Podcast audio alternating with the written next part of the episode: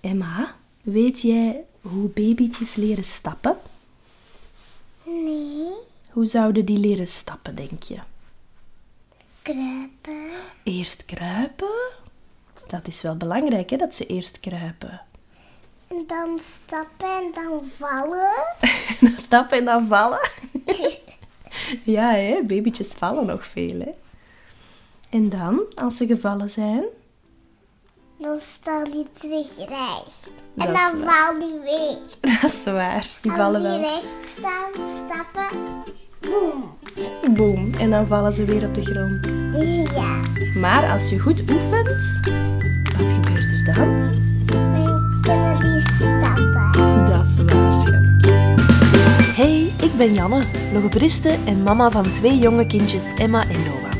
Ik ben hier om jou te vertellen dat de ontwikkeling van kinderen soms heel vanzelfsprekend lijkt, maar zeker niet zo is.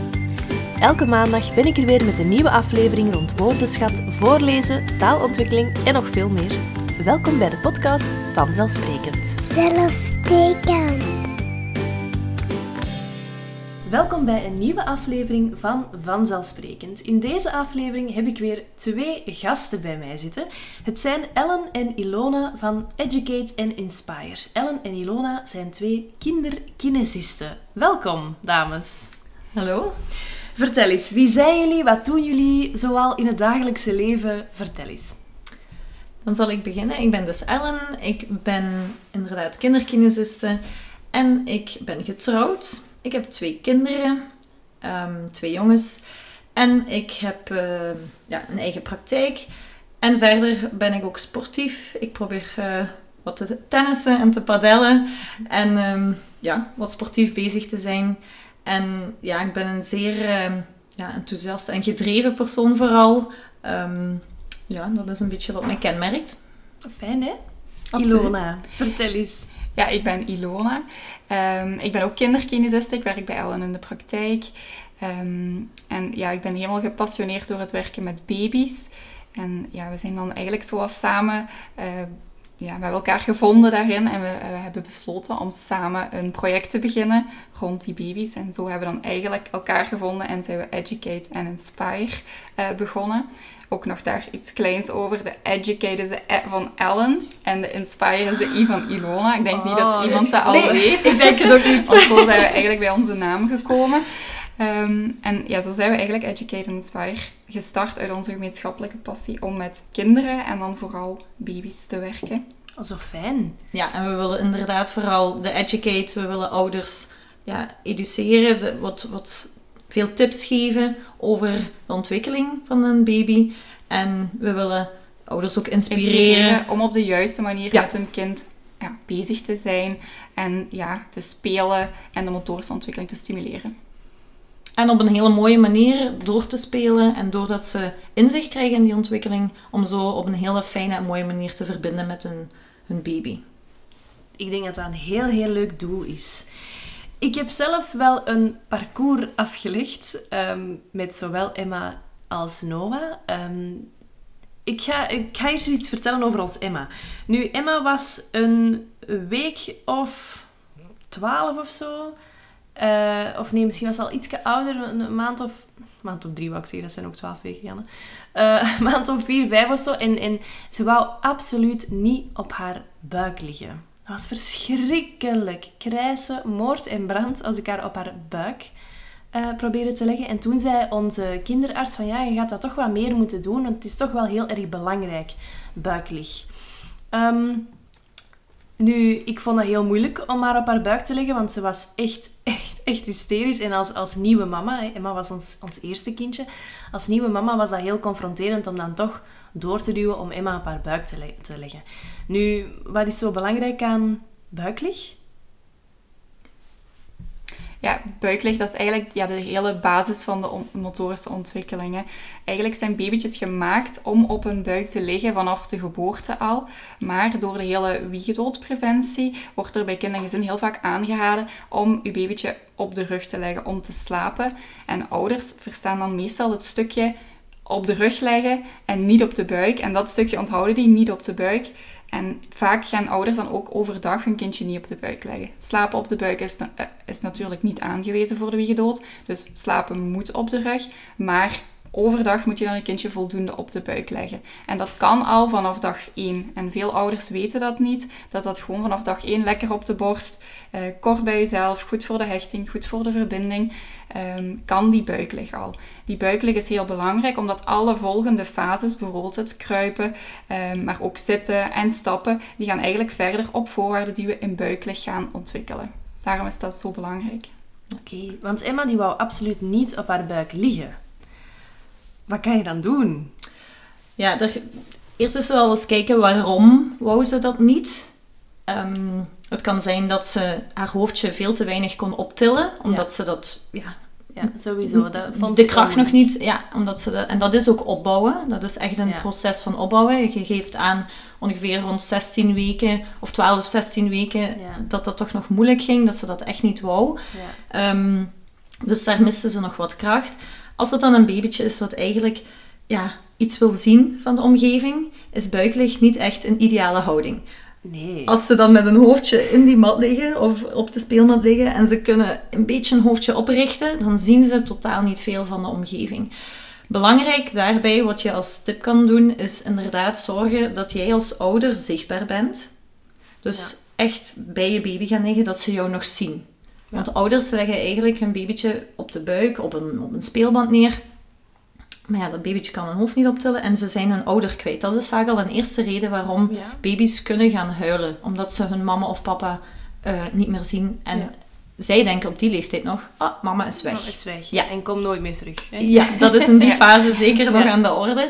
Ehm, wat we ook vaak adviseren is dat je, eh, om, om wat hoogte te creëren, dat je eh, je babytje op het opvoedingskussen op een tafel legt. Dus eh, opvoedingskussen gewoon op een tafel. Baby, jij gaat op een stoel zitten als mama en dan leg je de baby eh, in buiklig met het gezichtje naar je toe. En zo zijn ze een beetje hoger van de grond. Zorg wel dat dat veilig is. Altijd bij je Ja. baby blijven natuurlijk. Maar dat is al zeer handig om eigenlijk ehm, ja, zo buiklig toch wat te gaan Ja. oefenen. Dat heb ik bij haar wel veel gedaan. Ik legde haar dan op de zetel en ik ging dan op de grond zitten, zodat we op ooghoogte, Ooghoogte, waren samen. ja. Ja. Ja. En dan, het was nog altijd moord en brandkrijzen, maar het lukt, na een tijdje begon het wel te lukken. Dus dat was wel eh, een goed punt voor mij, want het is, het, is, het is best moeilijk om als mama je kindje op de buik te leggen als hij zo hard weent. Maar het is wel enorm belangrijk, hè? dus we hebben dat wel gedaan. Ja, absoluut. Maar dan, als ze dan wat groter werd, eh, die wou uiteraard heel veel van de wereld zien. En Emma is iemand die, die heel veel interesse heeft in alles wat beweegt, in alles wat geluid maakt, die heel hard alert was, al in het begin. Uh, Ze was een paar dagen oud, dus ze was zo alert al uh, op de omgeving. Um, dus die wou ook altijd alles zien, dus die wou heel snel zitten. En ja, omdat ze niet graag op haar buik lag, pakte ik ze vaak bij mij op mijn schoot en dan half liggen, maar dat kwam dan naar zit. En ze wou ook altijd in haar wippertje zitten en dat vond ze heel leuk, omdat ze dan mee met de, met de andere kinderen, mee met de, met de volwassenen, kon kijken en kon, kon de omgeving kon um, verkennen. Dus dan zat ze eigenlijk al heel snel. Ik denk dat ze vijf maanden was of zo, of, of ja, vier, vijf maanden. En ze, ze zat eigenlijk al best, best goed. Um, dat is iets wat we eigenlijk heel vaak horen bij de ouders die ja, kindjes hebben, uh, die niet graag op een buik liggen. Ja, wat, je, je hoort je kindje natuurlijk niet graag wenen, laat staan krijsen. En zeker als, als jonge, nieuwe ouder uh, denk je, ja, ik doe iets fout, dit is niet de bedoeling, dit kan niet de bedoeling zijn dat mijn ja. kind op deze manier reageert. Dus ik ga die buiklig minder aanbieden en ik ga wat andere houdingen zoeken waar mijn kindje wel tevreden is. En heel vaak is dat in zit. Ja. ja waarom? Ze kunnen heel de omgeving zien. Uh, ze kunnen ja, ineens van alles zien wat ze eigenlijk normaal niet zien. Ja. Dus ze gaan heel vaak ja, in zit zitten, graag in die positie zijn. Jij als ouder merkt dan, leg ik mijn kindje op de buik, dan gaat ze krijsen. Zet ik hem op mij, heb ik ze bij mij, zet ik ze in het wippertje, en dan zijn ze eigenlijk tevreden baby's. Dus ja. wat ga je dan kiezen? is eigenlijk een heel normale reflex om dan te kiezen voor ja, de makkelijke en de rustige oplossing. Maar ja, weet natuurlijk dat die buiklig nog altijd belangrijk blijft. En ja, vanaf dag 1 kan gewoon op de borst. Dat hoeft nog niet op de ja. mat te zijn. Um, want veel ouders denken dan, ik moet dat ja, direct mijn kindje eh, vanaf de eerste dag op de mat leggen. Dat hoeft ook niet natuurlijk. Dus je kan die lekker op jezelf leggen. Ehm, dat kan nog heel leuk zijn en heel knus. Ja. ja, dat vond ze ook wel heel tof. Maar Ja, dat de- was inderdaad de eerste paar weken en dan... De meeste kinderen vinden dat heel leuk. En dan kun je Ja. zo overgaan en rustig opbouwen. Want dat is ook iets, ouders denken direct dat ze een half uur op de buik moeten liggen. Dat is ja, 10 seconden de eerste keer. En daarna wordt dat een half minuutje en dan een minuutje. Dus dat moet heel rustig opgebouwd worden. Want dat zijn natuurlijk spieren. En die spieren, ja, die, die moeten in kracht opbouwen. Dat is wel heel fijn om te weten, hè, dat dat ook toch wel vaker voorkomt. Dat Emma niet de enige baby was die echt aan het, aan het krijsen was. Nee, ze is absoluut niet de Nee. enige. Eh jij bent als mama ook niet de enige geweest die dat traject heeft doorlopen. Ehm, we, zien dit, eh, we zien dit dagelijks in de praktijk. Dus dit komt veel voor, omdat, ja, omdat we toch merken dat ouders ja, het niet weten. Nee, klopt. En dat is wat wij willen verspreiden, Ja. eh, die kennis. Dat de ouders daar wel bewust van worden en daar ook... eh, En ouders hebben heel vaak het schuldgevoel dan. Ik heb iets misgedaan. En zeker achteraf. Ja, ik heb ergens... Ik, ik heb mijn kindje niet genoeg gestimuleerd. Ik heb dit niet gedaan. Ik heb Ja. dat niet gedaan. En dat schuldgevoel horen we heel vaak. Maar dat is, dat is eigenlijk gewoon een heel normale reflex als ouder om je kindje niet te, te willen laten wenen. Check, check, check. ja, echt. Dat is ongelooflijk. Want ja, je wilt natuurlijk niet dat je, dat je kindje weent. Het is ook de eerste keer, zeker hè, als je dan met een eerste kindje hebt. Dan denk je van, oh nee, ik ben zo'n slechte mama, want mijn kind is heel de tijd aan, heel de tijd aan het wenen. En ik moet ze wel op haar buik leggen. En dan Ja. denk je toch van, ja... Het enige wat... mm, Je krijgt het advies van een arts Ja. of zo, van je moet ze meer op de buik leggen. Maar meer ook niet, hè. Maar je weet niet hoe. ja, Hoe, klopt. hoe doe ik Ja. dat dan? Ik, ehm, en dat horen we ook vaak van, van kind en gezin bijvoorbeeld, dat ouders bij ons komen. Ja, ik weet het, ik moest ze meer op de buik leggen, maar ja, ja. ik heb het geprobeerd en het is En mij niet gelukt. Ja. En het hoe-stukje, ja, dat is, dat is natuurlijk heel belangrijk, Ja. dat je weet hoe je dat kan opbouwen, eh, hoe je dat stap voor stap kan doen. Ehm, ja, Ja. dat is, dat is wel En de, belangrijk. en de educatie waarom. En waarom? Ja. Want je kunt wel vertellen, ja. je moet dit doen. Maar als je dan niet weet waarom je dat moet doen, ja, dan dan is het ook... veel ja. gemakkelijker om te zeggen, wauw, Ja. kom. En dat Ja, proberen we dan dat nu ook met. Educate and Inspire op social media te Ja. delen. Waarom is het zo belangrijk dat je kindje op de buik ligt? Waarom is het zo belangrijk, belangrijk dat je kindje kruipt? Waarom is het zo belangrijk dat je kindje ja, in zijzit kan zitten? Eh, zodat ouders eigenlijk al de info op voorhand hebben. En dan weten, ah ja, ik moet dat gaan doen, want dat is goed voor dit en dit en dit. Nu, als ze dan een beetje groter werd, ehm, en dus heel veel zat, en dus al snel zelf kon zitten, hè, je denkt dan van, oh top, hè, robstabiliteit. maar eh, toen wou ze zich natuurlijk ook voortbewegen. Hè, dus ze zat neer op haar, op, haar, ehm, op haar poep en ze wou zich voortbewegen. En dan begon ze met haar beentjes naar voren te gaan en die beentjes terug in te trekken. En zo begon ze eigenlijk te poep schuiven, of billen schuiven. Nu, ik denk dan dat daar wel een link tussen is met dat weinig op de buik liggen en het poep schuiven, in plaats van het kruipen dan. Ja, dat klopt. Die link is er zeker. Ehm, het is eigenlijk zo dat ja, Emma is snel ja, neergezet. Ja, In verschillende, op de schoot, in de wipper Ja. en dan in- ja, inderdaad op een gegeven moment ook op de grond. ja, En dan willen ze naar een speeltje ergens naartoe en dan is dat het enige mechanisme om vooruit te geraken. ja. Ze heeft geen andere bewegingspatronen. nee, want leren eerst- kennen, want eerst was het, was het rijken met haar handje en als ze dat niet aankon, ja. Ja, dan, Dan moest ze een oplossing zoeken. Ja, en dat is dan bij de billenschuivers de oplossing om Ja. zo vooruit te gaan bewegen. En dat is een heel typisch patroon wat we daar zien. Weinig buiklig, snel naar zit, in zit en dan voortbewegen. Want Ja. elke baby wil gaan voortbewegen. Ja. Elke baby gaat op een bepaalde leeftijd exploreren, de omgeving verkennen, wil dat speeltje zelf bemachtigen. En dan is dat het enige bewegingspatroon wat er in haar, eh, in haar lijfje aanwezig Ja. was om te gaan voorbewegen. En ze, ze kende ook de grond niet meer. Ze kent, want als ze een lig, ze heeft, heeft ze veel gerold. Nee, ook niet. weinig gerold, omdat Ja. ze weinig eigenlijk op de grond heeft Ja. gelegen. Ze rolden eigenlijk alleen maar van, van buik naar rug, omdat ze op buik niet zo leuk, niet zo Om leuk om te ontsnappen en buikelig. Ja. Ja, maar in buiklig worden ja, de meeste van die voorwaarden Ja. om tot kruipen te komen, worden Ja. in buiklig ja, getraind. Het opduwen op de armpjes, het de knietjes onderin trekken en dan vanaf daaruit gaan voorbewegen. Als je natuurlijk nooit op die buik ligt, ja, dan kan je ook niet naar die kruiphouding geraken. En dan is het veel moeilijker om ja, voor te bewegen. En dan gaat je kindje, het zit in de hersenen, hè, dat ze vooruit willen. En Ja. dan gaan ze gewoon een oplossing zoeken om toch vooruit te geraken. En zo komen ze meestal dan tot ja, het billen schuiven. ja. En snel, hè. Snel. Absoluut, dat kan heel snel. Ongelooflijk. Dan, dan riep ik haar of dan, of dan wou ze een speelgoedje en was dat sjoep, sjoep, sjoep, sjoep. En dan ging ze zo, zo snel voorbij. En dat was natuurlijk heel schattig. En oh, kijk. En was, oh, hoe, hoe dat ze poep schrijft, dat is zo schattig. Maar ik wist ook wel op die moment van, ja, dat is toch niet fantastisch. Dus ik ben toen wel aan het proberen geweest van haar te laten kruipen. Dus terug op de buik leggen en zo de beentjes eronder schuiven. Zodat ze misschien toch, maar die rolde gewoon altijd op haar rug.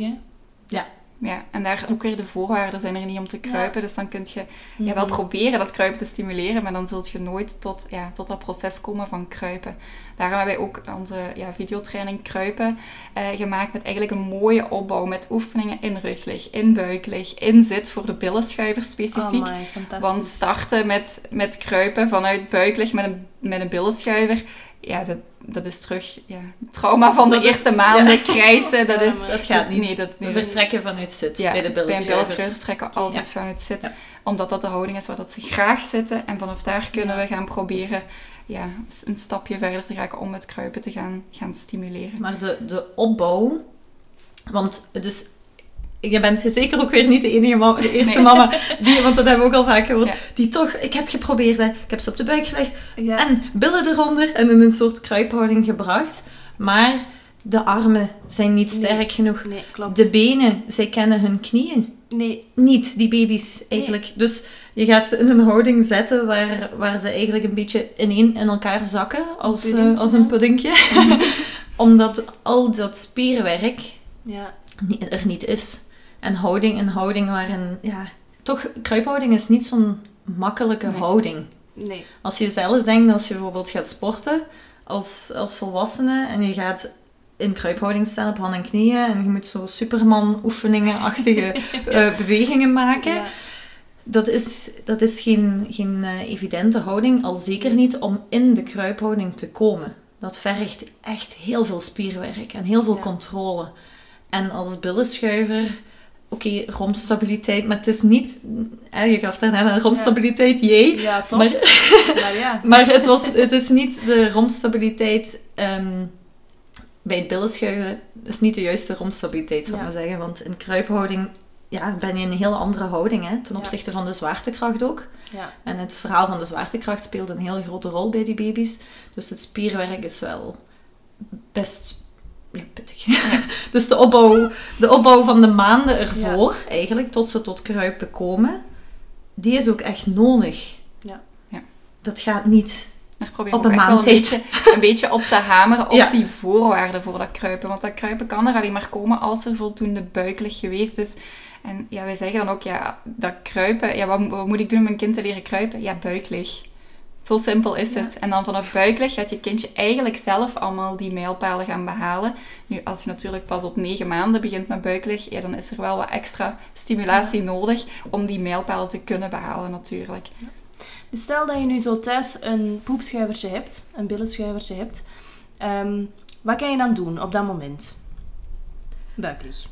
Ja, Ja. En op, op welke manier juist? Dus Nu, als, als je kindje al een billenschuiven is, denk ik dat buiklig heel moeilijk Ja, is. ja. wij, Ja. allee, wij starten therapie ook nooit met buiklig, want dat, ja, we zijn al voorbij dat punt. En daar terug naartoe gaan, dat, dat, dat ja, loopt heel, heel, veel- moeilijke houding. Heel veel frustratie hè, bij, de, bij de billenschuivers vaak ook. Dus teruggaan naar die houding. Vaak Is- is, dat al, al te moeilijk. En ja, daar starten wij dan ook met de oefeningen in zit echt. En dat is heel moeilijk om dat ja, voor thuis aan te leren, wat je zelf kunt doen. Ik zou zeggen, volg dan zeker onze, onze eh, videotraining van, eh, van Kruipen. Ehm, waar kun je al op letten? Als tips is de ondergrond bijvoorbeeld. Veel billenschuivers, ja, die gaan heel makkelijk over gladde tegels, over parket. Dat gaat allemaal heel vlot. Maar als je die bijvoorbeeld op een mat zet, eh, zeker een wat stroevere mat, eh, of een tapijt, dan ga je zien dat ze veel moeilijker vooruit kunnen geraken. Ja. En dat ze vaker andere eh, houdingen of manieren gaan zoeken om toch ehm, ja, vooruit te geraken. Eigenlijk tot, Ja. tot, een, tot een speelgoedje of ergens waar ze graag naartoe willen. En dan zie je dat ze vaker een bewegingsvariatie gaan laten zien of toch naar die kruiphouding willen gaan. Maar daar moeten ook weer die voorwaarden natuurlijk zijn om naar de kruiphouding te kunnen gaan. Ja. Wat je ook nog altijd kan doen, is wat obstakels leggen. Bijvoorbeeld een borstvoedingskussen of wat andere kussens. Want daar, ook, daar kan je kindje niet over billen schuiven. En zo kan je wel uitdagen om toch weer andere houdingen aan te gaan nemen om daarover te gaan geraken. Ja. Dus een iets ruwere ondergrond gebruiken en obstakels neerleggen. Ja. Ja, oké. Vind dat al hele leuke tips. Nu, die obstakels. ehm, we zijn met Emma rond 12 maanden ongeveer beginnen met eh, peuterturnen. Dus we zijn naar... eh, hier, in Boeghout was er een, eh, een leuke plek om te gaan peuterturnen, Kids Move. En dan zijn we gaan peuterturnen en daar moest ze inderdaad ook op van die trapjes gaan en, en over dingen kruipen. En ze kan natuurlijk niet naar boven poep schuiven, hè, wat dat je ook zei, Ilona. Ehm, nu dan begon ze stilletjes aan wel te kruipen. Maar eh, ondertussen begon ze thuis, kroop ze natuurlijk niet, maar begon ze zich wel recht te trekken. Maar ook niet op haar knieën. Ze ging van poep, ze ging naar haar, naar haar box, eh, of haar, haar park. Ehm, en ze trok zich recht aan de spijlen van dat park en ze ging zo van poep, hup, naar stand. Dat is natuurlijk ook niet fantastisch. ja, dat is wel knap van haar, vooral. Het- Want dan wel was, ze heel, dan, maar armspieren dan. dan was ze heel sterk in haar Ja. armspieren. Ja. Want wat wij heel, daarom dat ik zeg het is knap van haar, want wij, wat wij het meeste zien, is dat de billenschuivers vast komen te zitten. ja. Ze willen omhoog, maar ze weten niet hoe. Nee, en ze ook- er niet, dus ze missen kracht. alleen maar aan het park, ja, want alleen aan- die ja, daar had ze die om- spelen ja. om vast te trekken. Eh, maar ergens anders recht staan is dan inderdaad heel, heel, ja, gaat haast Mm. niet. En wij zien bij de billenschuivers veel, veel frustratie dan in die fase. Ja. Want ze zien bijvoorbeeld als ze naar een crash gaan of bij een onthaalmoeder, dan zien ze andere kinderen. Ja. En dan op die leeftijd gaan ze toch al die kinderen willen nadoen en dan lukt dat niet. En het was inderdaad bij Emma niet helemaal de juiste manier, maar ze is er wel geraakt. Ze was koppig genoeg om toch Ja, recht te, kre- recht te geraken, hoor. Want het is, het is toch wel een heel pittige dame. Ja, we zien dat wel bij de meeste billenschuivers, dat dat vrij pittige karakters zijn. En kinderen die heel duidelijk weten wat ze willen en ook zullen zorgen dat ze daar zullen geraken. Of dat je als ouder zorgt dat ze daar gaan Ja. geraken. klopt. Alleen de, de groep, ik denk ook die groep, want die zien wij in de praktijk niet zoveel. Want jij bent ook niet naar een kinderkinesist Nee, gegaan nee, met. Emma, omdat zij toch ja, die houdingsverandering Ja. eh, van zitten naar stand gedaan heeft. Dus die groep, die missen wij in de praktijk ook wel. ja. Ehm, maar ja, de andere groep waar de frustratie zit, die, die zit er wel. En dan is het eigenlijk toch belangrijk dat ze vanuit zit, via zij zit en zo steun Ja. eh, op die knieën komen om dan tot stand te komen. Dus dat is wel de juiste houdingsverandering. En heel die opbouw, hoe in dit geval billenschuivers naar die juiste houdingsverandering kunnen komen, dat is ook iets wat in onze videotraining ehm, stap voor stap in stukjes wordt is wel heel aangeleerd aan dus- ouders. want er, zit, er zit eigenlijk ja, zitten heel veel stapjes tussen die ouders niet zien. eh, en die heel simpel lijken, maar ja, dus, het is eigenlijk allemaal niet zo simpel. en Emma heeft nu geluk gehad dat ze ja, twee baren had om haar, aan, Ja. haar aan, aan- aan recht te trekken eigenlijk. Ja. Maar eigenlijk zou een kindje ook moeten kunnen recht staan, bijvoorbeeld aan een spiegel of aan een muur. Maar dan heb je natuurlijk niks En om je recht te trekken. Dus dat gaat dan niet. Ja. En daarvoor hebben we dan die juiste houding naar die hoge knie zit eigenlijk. Waar we eigenlijk ja, van, we kruipen naar iets toe, we gaan op onze knietjes zitten. En dan gaan we eigenlijk recht staan. Ja, zo kunnen we recht geraken tegen een spiegel of tegen een muur. Maar als we van onze armen vertrekken, dan lukt dat natuurlijk niet. En dan krijg je frustratie omdat ze op bepaalde plaatsen wel kan rechtstaan, op bepaalde andere plaatsen niet. Dus dat is ja, heel belangrijk om die voorwaarden ook weer voor staan en stappen. Er gaan ook weer heel veel voorwaarden die daarvoor nodig zijn, komen vanuit buiklicht, komen vanuit kruipen. Dus Ja. ja, alles volgt wel mooi op elkaar. Het zit niet zomaar, ehm, ja, het zit niet zomaar allemaal achter elkaar in die volgorde. Het Nee, echt wel een nut. klopt. zijn echt De wel motorische voorwaarden. ontwikkeling heeft een zeer logische opbouw. Ja. Is- Alles heeft zijn nut voor de fases erna. Ja, Dus eh, iets overslaan, dat zien wij Nee. eigenlijk als kinderkinesist helemaal niet graag. Totaal niet graag. Iets overslaan is zo een, een, ja, een alarm voor ons, zou ik het maar noemen. En alles heeft zijn voorwaarden om te komen tot de hogere houdingen en tot het stappen. Want natuurlijk, op een gegeven moment stapte Emma wel. Ik denk dat ze 14 maanden was ongeveer, dus ook echt perfect op tijd. En toen was mijn gedacht, oef, ze stapt. Het is in orde. Maar dat is het niet, toch? Want als ze kruipen heeft overgeslagen, wat zijn dan mogelijke gevolgen daarvan? Of, of wat zijn dingen waar, waar ik nu bijvoorbeeld nog op kan letten? Ehm, ja, maar even te kijken naar de voordelen van het Mhm. kruipen. Dat zijn er heel veel. dat is ook allemaal, dat zijn er echt heel veel. Dat is wetenschappelijk bewezen ook. Maar om er bijvoorbeeld eh, eentje te noemen, eh, bij het kruipen, het is zo geïnstalleerd in de hersenen, als we geboren worden, dat het kruipen zit er al in, eigenlijk, in het brein. En het is ook zo geprogrammeerd om je linker en rechter hersenhelft voor ja, de eerste keer heel hard te laten samenwerken. Linker en rechter hersenhelft moeten ook al samenwerken als je baby een, een, een speeltje vastpakt bijvoorbeeld. Maar hier heb je gekruiste coördinatie Ja. in het lichaam. En dat wordt bij dat kruipen continu getraind. En die netwerkjes worden sterker in het brein Ja. gelegd, want ze zitten er al ergens. En die gekruiste coördinatie is dan dat je je, je linkerhand naar voren beweegt en je rechterknie. Klopt. En dan andersom. En telkens die afwisseling. Want je linker hersenhelft stuurt je rechterzijde van het lichaam aan en je rechter hersenhelft stuurt de linkerzijde van het lichaam aan. Ja, Mhm. Dus eigenlijk worden ja, die twee hersenhelften worden continu gestimuleerd op die zeer jonge leeftijd al. Maar ja, alle processen die ja, later, bijvoorbeeld in het eerste leerjaar, tweede leerjaar, derde leerjaar, eh, alle ja, schoolse vaardigheden die aangeleerd worden, alle automatisatie van schoolse vaardigheden, daarvoor zijn ook die, ja, die samenwerking van die twee hersenhelften nodig. En daarom is het ook gewoon heel belangrijk dat die twee hersenhelften goed leren samenwerken. Ja. Nu, ja, je zei, Emma kroopt dan niet. Eh, en het is wel gaan stappen. Het is nooit te laat om aan dat kruipen te beginnen. Dus ook al heeft je kindje ja, niet gekropen en luister je nu en denkt, oh nee, mijn kindje stapt al. Het is nog niet te laat om dat kruipen nog altijd te introduceren in, ja, in, uw, in uw spelactiviteiten. Ehm, bouw een parcoursje onder, eh, onder stoelen door. Gaat het al niet zo makkelijk om te stappen, dus dan gaan we vaker naar een kruiphouding gaan. Maak eens een parcoursje in huis. Ehm, leg de deken over de tafel, zodat ze daaronder door kunnen kruipen. Ehm, ja, maak een, een kruipparcoursje op de zetel, van de zetel af. Het zijn eigenlijk heel leuke dingen om toch nog op een latere leeftijd uw kind ja, te laten kruipen. Ga naar de binnenspeeltuin. Ga buiten spelen. Of wat Janne aangaf, het peuterturnen. Wat je hebt gedaan. Dat Ja. is zeker... ehm, ja, dat is heel mooi hè. Als, Mhm. daar, als je daar eh, toegang toe hebt, ergens bij jou thuis in de buurt.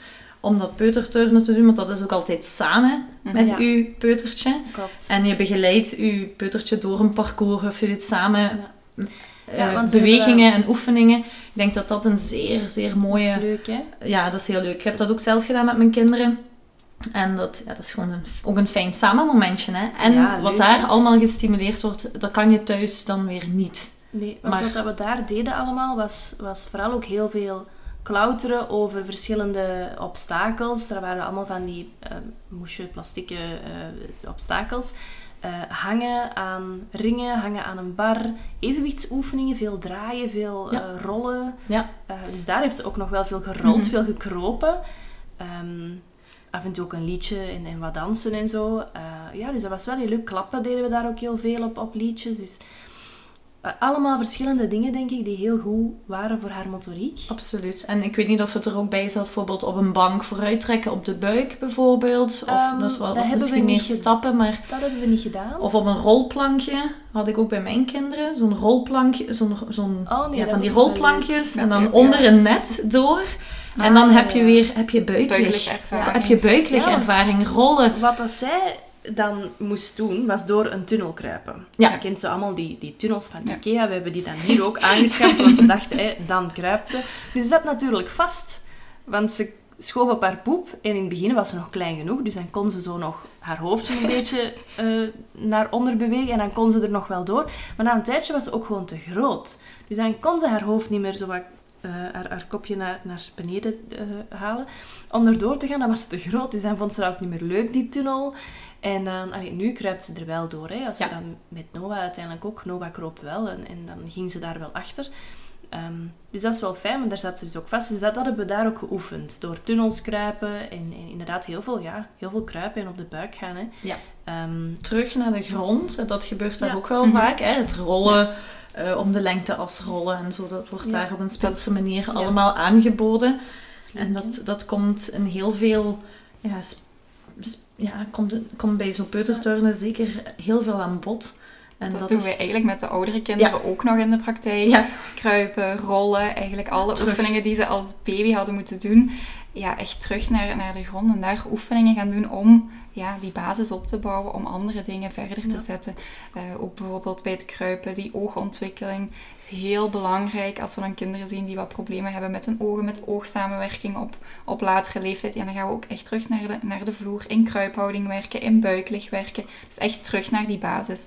Dus dat doen we gewoon heel vaak ook met de oudere kinderen, omdat we zien dat daar een heel groot stuk gemist is qua Ja. ontwikkelingskansen eigenlijk. Ja, want als ik nu denk aan, aan, aan ogen die samenwerken, ik had er nog nooit over nagedacht. dat ogen misschien minder Ja. goed kunnen samenwerken, gewoon al te koer. ja als, je, als je een baby voor je ziet in kruiphouding Ja. en die kijkt tussen zijn handen, Ja. dan gaan de ogen eigenlijk dichtbij kijken. Ja. En de ogen gaan dan naar binnen richten. Ja. Maar als die dan wat verder kijkt en er ligt een balletje op de grond en hij, kijkt, hij tilt zijn hoofdje op en kijkt ver, ja, dan gaan de ogen terug een beetje open, openen en gaan Ja. die scherp stellen op dat voorwerp en dan zien ze dat en dan gaan ze daar naartoe. En dat is, daar start heel veel daarvan. Ja. Oké. We noemen dat ja, convergeren en Ja. divergeren. En ja, dat is eigenlijk het scherpstellen van de ogen korbij en veraf. En dat is eigenlijk een proces wat kindjes die aan het kruipen zijn continu gaan doen. Dus Ja. continu dat ver weg kijken, kijken waar ik naartoe ga, kort bij kijken, waar ga ik mee spelen. En zo worden die ogen eigenlijk al getraind op ja, zeer jonge leeftijd Ja. door die juiste processen te leren. Want als je zit natuurlijk, dan kijk je vooral ver.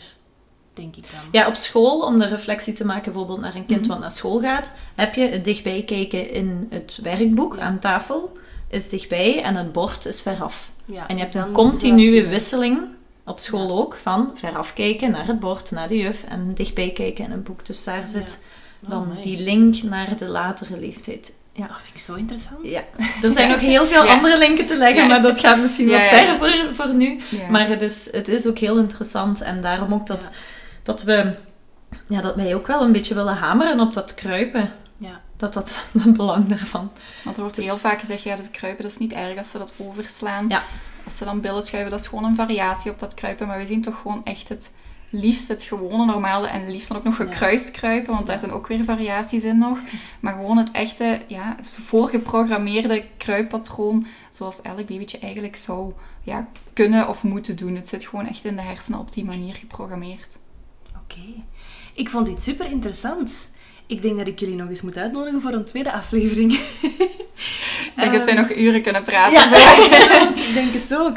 Nu, ehm, jullie hadden nog iets speciaals voor onze luisteraars. Klopt? Ja, ehm, voor iedereen die de moeite heeft gedaan om tot het einde te luisteren, hebben we nog een leuke kortingscode. Dus als je onze eh, ja, training van buiklig, blij en buiklig, of de videotraining kruipen of staan en stappen wil volgen, dan krijg je van ons 10% korting. En daarvoor kan je de kortingscode de taaltoren gebruiken. Allemaal hoofdletters. En dan kan je dat ingeven bij kortingscode en dan krijg je 10% korting van ons. Maar zo fijn. Dankjewel.